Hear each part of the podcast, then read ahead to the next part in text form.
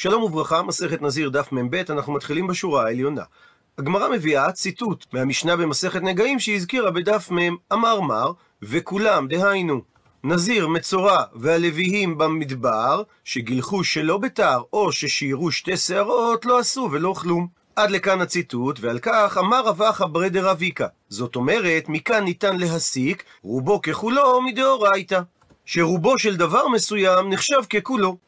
הוא מפרט רב אחא, ממאי, מהיכן אני מסיק את זה? מדגלי רחמנא גבי נזיר. מזה שגיתה התורה לגבי נזיר נקרא בפנים, וכי ימות מת עליו בפתע פתאום, וטימא ראש נזרו, וגילח ראשו ביום טהרתו, ביום השביעי יגלחנו. והמילים ביום השביעי יגלחנו הם מילים שאינם נצרכות, שהרי כבר נאמר בפסוק, וגילח ראשו ביום טהרתו. אלא באה התורה להשמיע לנו, שצריך תגלחת מצווה שלמה, שלא שיירה כלום. ורק הכא הוא דעה דאיכא כולו. רק כאן בתגלחת המצווה צריך שכל השיער יהיה מגולח. הבעלמא, רובו ככולו. ולולא שהתורה הדגישה את זה כאן, אז הייתי אומר שהכלל הוא כמו בשאר המקרים בתורה, שברובו מספיק, מפני שרובו ככולו מדאורייתא. מה תקיף לה מקשה על כך רבי יוסי ברבי חנינא, היי בנזיר טמא כתיב. הרי הפסוק שהביא רב אחא מדבר בנזיר טמא, ואם כך, רק לגבי התגלחת שלו ניתן לומר שרובו אינו ככולו. אבל הברייתא הרי מדברת גם בנזיר טהור, שאם הוא השאיר שתי שערות מהתגלחת הן מעכבות. ומה המקור לכך? אומרת הגמרא שעל שאלתו של רבי יוסי ברבי חנינא, מכך הוא עלה במערבה. צחקו על שאלתו בארץ ישראל, שנמצאת ממערב לבבל. מכדי שהרי נזיר טמא דבתר מנהלן. מהיכן אנחנו יודעים שנזיר טמא צריך לגלח את שערו בתר? מנזיר טהור יאליף. הדבר נלמד מתגלחת הנזיר הטהור, שכתוב בו מפורש שהוא צריך לגלח בתר. אז הלימוד יהיה דו-כיווני, ליתי נזיר טהור ולילף מנזיר טמא. נלמד את דין התגלחת של הנזיר הטהור מדין התגלחת של הנזיר הטמא באופן הבא. מה נזיר טמא כי שיער שתי שערות ולא כלום עבד? זה מעכב את התגלחת והוא כאילו לא עשה ולא כלום. בסוגריים נאמר שהמילה כלום יש לה משמעות כלשהי, לכן כשרוצים להגיד ממש שום דבר, אומרים ולא כלום, סגור סוגריים. ההכנמי, אז גם כאן לעניין תגלחת של נזיר טהור, נאמר את הדין, שכי שיער שתי שערות ולא כלום עבד. זה נחשב שהוא לא גילח את שערו, ומזה שכאן גילתה התורה באופן יוצא דופן, שרובו לא ככולו, למד רב אחא ברי דרביקה, שבכל המקרים האחרים אומרים רובו ככולו מדאורייתא. וממשיכה הגמרא באותו עניין, ביי הקשה אביי, נזיר שגילח את ראשו, ושיער שתי שערות שאותם הוא לא גילח, לאחר מכן צמח ראשו, וחזר וגילחן לאותן שתי שערות בלבד. מהו הדין במקרה הזה? מי מעכבי או לא? האם אנחנו אומרים שכיוון שמלכתחילה הוא שיער את אותן שתי שערות, הרי שהוא לא עשה ולא כלום, ולכן גם עכשיו, כאשר הוא חוזר ומגלח רק את אותן שתי שערות, הרי את שאר השערות הוא לא מגלח, וממילא הוא לא עשה ולא כלום. או אולי, כיוון שעכשיו הוא מגלח את אותם שתי שערות, ובעצם הוא משלים את כל כמות השערות שהייתה מההתחלה שאותה הוא גילח, האם נאמר שעל ידי כך הוא קיים את תגלחתו? זאת אומרת, במצב הראשון, הנזיר יש לו שיער והוא צריך לגלח אותו. במצב השני, הוא החליט לגלח את כל שערו, אבל להשאיר שתי שערות, להסתרק פזור. במצב השלישי, גדלו שאר השערות, והוא הוריד את אותם שתי שערות שקודם היו לו. שואל אביי, האם תגלחת הנזיר משמעותה שהוא צריך לגלח את כל השערות שהיו לו, וממילא במצב האחרון, על ידי שהוא גילח את שתי השערות שהוא השאיר קודם, הוא השלים את תגלחתן של כל השערות, או שתגלחת הנזיר זה מבחן התוצאה. אנחנו רוצים לראות את ראשו של הנזיר קרח כולו, ודבר כזה לא קרה. ומביאה הגמרא שאלה דומה. באי שאל רבא, נזיר שגילח את כל שערו, והניח שתי שערות שאותם הוא לא גילח, כדי שיוכל להסתרק פזור. ולפני שצמחו שאר השערות, וגילח אחת מהשערות שהוא השאיר, ונשרה האחת לאחר מכן. מהו הדין במקרה הזה? האם אנחנו אומרים שכיוון שהוא לא גילח מראש שתי שערות, הרי הוא לא קיים את מצוות התגלחת, מפני שבכמות של שתי שערות יש שיעור גילוח, ועכשיו כאשר הוא מגלח את השערה הראשונה, הרי הוא מקיים בה מצוות גילוח, וכאשר השערה השנייה נושרת, מתקבלת התוצאה המבוקשת, ושיער ראש הנזיר קרח לחלוטין. או אולי, הרי בסופו של דבר, הוא לא גילח את כל שערו, כי השערה האחרונה נשרה לבד, ולכן הוא לא קיים את מצוות התגלחת. ועל הנוסח הזה של שאלתו של רבא אמר לי, מקשה רבא חמידיפתי לרבינה. הרי נזיר שגילח את כל שערו, שערה שערה בנפרד, הדין שזה ודאי נחשב גילוח, שהרי בשעה שהוא מתחיל לגלח יש לו שיעור גילוח בשיער. האם על המקרה הזה כמבעילה לרבא? האם רבא יתקשה במקרה הזה? שהרי כאשר הוא גילח שערה אחת ונשרה השערה שנשארה, זה נקרא תגלחת רגילה, כי ככה נשים נוהגים לגלח את שערה. וזה לא אשמתו שהשערה האחרונה נשרה. אלא אימה, צריך לומר שכך היה נוסח השאלה של רבא, כאשר נשרה אחת מהשערות. זאת אומרת, לאחר שהוא גילח את כל שערו והשאיר שתי שערות, שערה אחת נשרה, וממילא נשארה לו רק שערה אחת על ראשו הקרח. האם אנחנו אומרים שכיוון שאת כל שערו הוא גילח, חוץ משערה אחת, הרי שבסופו של דבר הוא לא שיער שתי שערות בלא גילוח, או אולי כיוון שמעיקרא הוא כן שיער שתי שערות, אז הוא לא יצא ידי חובת הגילוח, וגם כאשר הוא חזר וגילח את השערה האחרונה לאחר נשירת חברתה, זה לא נחשב שהוא גילח את כל שערו. שהרי בשעה שהוא גילח את השערה האחרונה, נשארה לו רק שערה אחת על הראש, וזה לא נקרא גילוח. אמר לי, עונה רבינה לרבה חמי דיפתי, גילוח אין כאן, ולכן שיער אין כאן. דהיינו, אין כאן מצוות גילוח, שהרי יש כאן רק שערה אחת. מקשה הגמרא בדיוק להפך. אי אתה אומר ששיער אין כאן, אז במבחן התוצאה, גילוח יש כאן. אלא מסבירה הגמרא את תשובתו של רבינה, אחי כאמר, כך הוא התכוון לומר. אף על פי ששיער אין כאן, במבחן התוצאה שהרי ראשו קרח לחלוטין, למרות זאת מצוות גילוח אין כאן. מפני שבתגלחת הראשונה הוא שיער שתי שערות, ובתגלחת האחרונה לא היה אלא רק שערה אחת, שאין בה שיעור גילוח. ואומרת המשנה, נזיר חופף ומפספס, אבל לא סורק. הוא מסביר התוספות שחופף זה כאשר הוא חופף את ראשו בנטר ובאדמה, כפי שאמר ירמיה, אם תכבסי בנטר ותרבי לך בורית, נחתם עוונך לפניי. והנטר הוא אחד מתרכובות הנתרן, ששימש בימי קדם כחומר ניקוי. הוא מפספס הכוונה שהוא מבדיל את שערות הראש זו מזו, למרות ששתי הפעולות, גם החפיפה וגם הפספוס, יכולים לפעמים לגרום להשארת השיער. אבל מפני שזה דבר שאין מתכוון, הרי זה מותר לשיטת רבי שמעון. וכך גם מדייקת הגמרא, חופף ומפספס מאני, לשיטת מי זה מתאים? רבי שמעוני, דאמר דבר שאין מתכוון מותר. וקשה מהמשך המשנה, אבל לא סורק, מפני ששימוש במסרק עלול לגרום להשארת שיער. והרי הדעה הזאת, הטען לרבנן, זה תואם לפי שיטת חכמים שאמרו דבר שאין מתכוון אסור. אז קשה, כיצד יכול להיות שהרישה של המשנה היא כשיטת רבי שמעון והסיפה של המשנה כשיטת רבנן? עונה על כך, אמר רבא שהמשנה כולה רבי שמעוני. והסיבה שאסור לסרוק במסרק, כי כל הסורק להסיר נימין מדולדלות מתכוון. שיש שערות שאינן מחוברות יפה, והן נוחות להתנתק על ידי הסירוק במסרק, וניתן להסביר את דברי רבא שהאדם מתכוון להשאיר את השערות על ידי המסרק, ואם כך זה כבר דבר שמתכוון, וגם לרבי שמעון זה אסור. אפשרות נוספת, שאומנם הוא לא מתכוון להשאיר את השערות, אבל מכיוון שמדובר על תוצאה ודאית, מודה רבי שמעון שהדבר אסור, וזה נקרא בלשון הגמרא במסכת שבת, פסיק רישי ולא ימות. שמודה רבי שמעון שאדם לא יכול להפסיק לחתוך את ראשו של התרנגול ולהגיד לא התכוונתי שהוא ימות. ואומרת המשנה, רבי ישמעאל חולק על תנא קמא ואומר, לא יחוף באדמה מפני שמשרת את השיער. אומרת הגמרא היא בעיה להו, נשאלה להם השאלה הבאה על דברי רבי ישמעאל.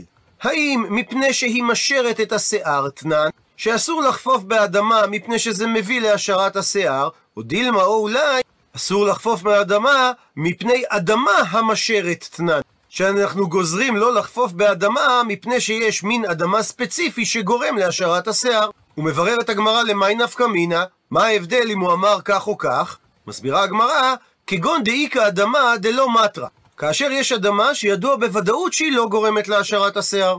במקרה כזה, תהיה נפקא מינה בין שני הדוסחאות בדברי רבי ישמעאל.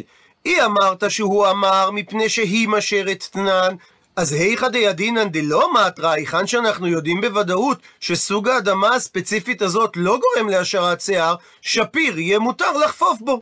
אלא היא אמרת שהנוסח בדברי רבי ישמעאל זה שאסור לחפוף באדמה מפני המשרת, אז גם כאשר יש לפנינו אדמה שאנחנו יודעים בוודאות שהיא לא גורמת להשארת שיער, כלל כלל לא יהיה מותר להשתמש בה. ונשארת הגמרא בתיקו. תעמוד השאלה במקומה עד שתשבי אליהו הנביא, יבוא ויתרץ לנו אותה. ואומרת המשנה, נזיר שהיה שותה יין כל היום כולו, אינו חייב אלא מלקות פעם אחת בלבד, דהיינו 39 מלקות, כי זה נחשב כמעשה עבירה אחד.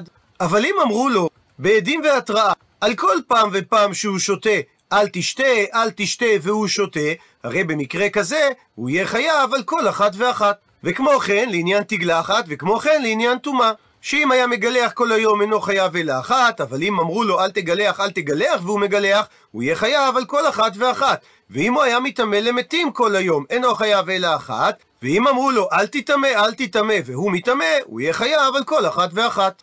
הפכנו דף, מביאה הגמרא איתמר, פתיחה למחלוקת המוראים. אמר רבא אמר רב הונא, מקרא מלא דיבר הכתוב. נקרא בפנים שכתוב לאביו ולאמו, לאחיו ולאחותו לא ייטמע להם במותם, כי נזר אלוהיו על ראשו. הרי שנקטה התורה לשון שכוללת הכל, לא ייטמע להם במותם, להזהירו על הטומאה. אבל נשאלת השאלה כשהוא אומר, בפסוק נוסף נקרא בפנים, כל ימי הזירו לאדוני על נפש מת לא יבוא. הרי שחזר הכתוב והזהיר את הנזיר על ביאת אוהל שיש בו מת, הרי שיש לנו שני אזהרות על הנזיר. מהפסוק הראשון שהזכרנו לומדים להזהירו על הטומאה שאסור לו להיטמע באמת בכל אופן שהוא, ומהפסוק השני לומדים באופן ספציפי להזהירו על הביאה, שגם אם הוא נטמע באמת, אסור לו לחזור ולהיכנס באוהל שיש בו מת. אבל טומאה וטומאה לא. שאם הוא נטמע במת וחזר ונגע במת אחר בעוד שהוא נוגע במת הראשון, אז אף על פי שיתרו בו על כך, אינו חייב אלא אחת. עד לכאן הסבר דברי רב הונא לפי רבא. ורב יוסף לעומת זאת חולק, והוא אמר, האלוהים, שזה לשון שבועה, שכך אמר רב הונא, אפילו טומאה וטומאה, אם יתרו בו על כל פעם, הוא יהיה חייב שתיים. הוא מביא רב יוסף מקור לדבריו, דאמר רב הונא, נזיר שהיה עומד בבית הקברות, כך שהוא כבר טמא מת, והושיטו לו מתו או מת אחר, ונגע בו, הוא יהיה חייב. ושואל רב יוסף, המאי, מדוע שהוא יהיה חייב על הנגיעה במת השני? המטמא וקאי.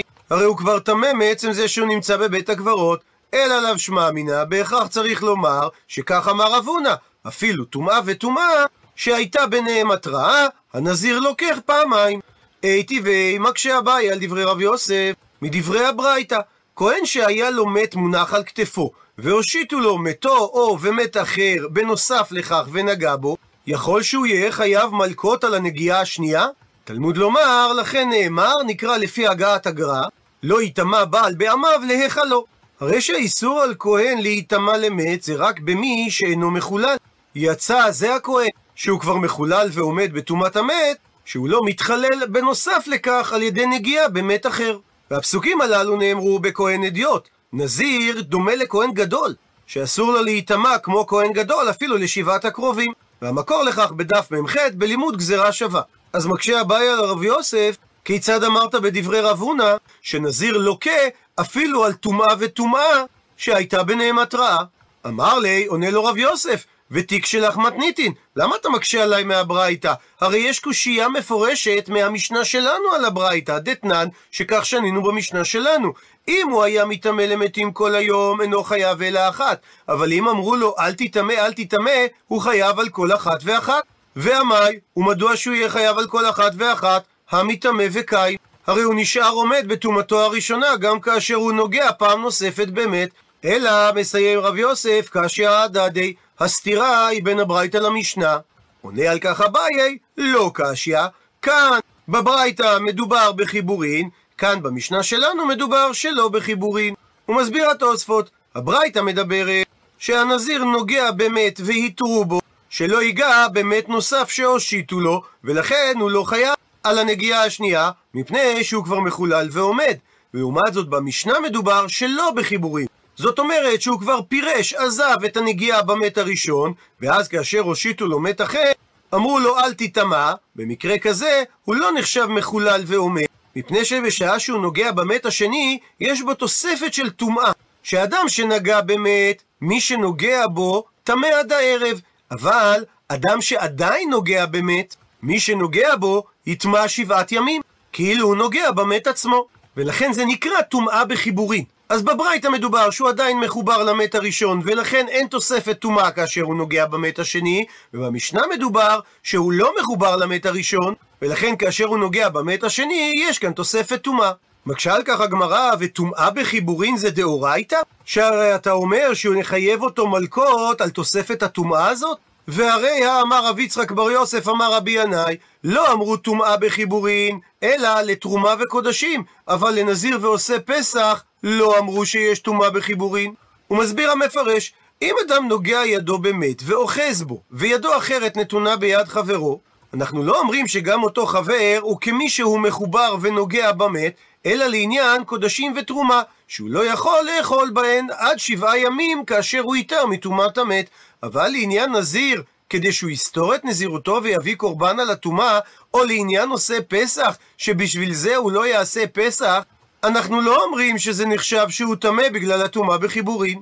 והיא אמרת שטומאה בחיבורין זה גדר דאורייתא, מה ישנה? מדוע יש הבדל בדין בין נזיר ועושה פסח לבין קודשים ותרומה? מתרצת הגמרא שאכן טומאה בחיבורין זה גדר דאורייתא, ועקרונית לא היה צריך להיות הבדל בין איסור אכילת תרומה וקודשים לבין נזיר ופסח. אלא שכאן בדברי ינאי מדובר בחיבורי אדם באדם, וכאן בדברי רב יוסף מדובר בחיבורי אדם במת.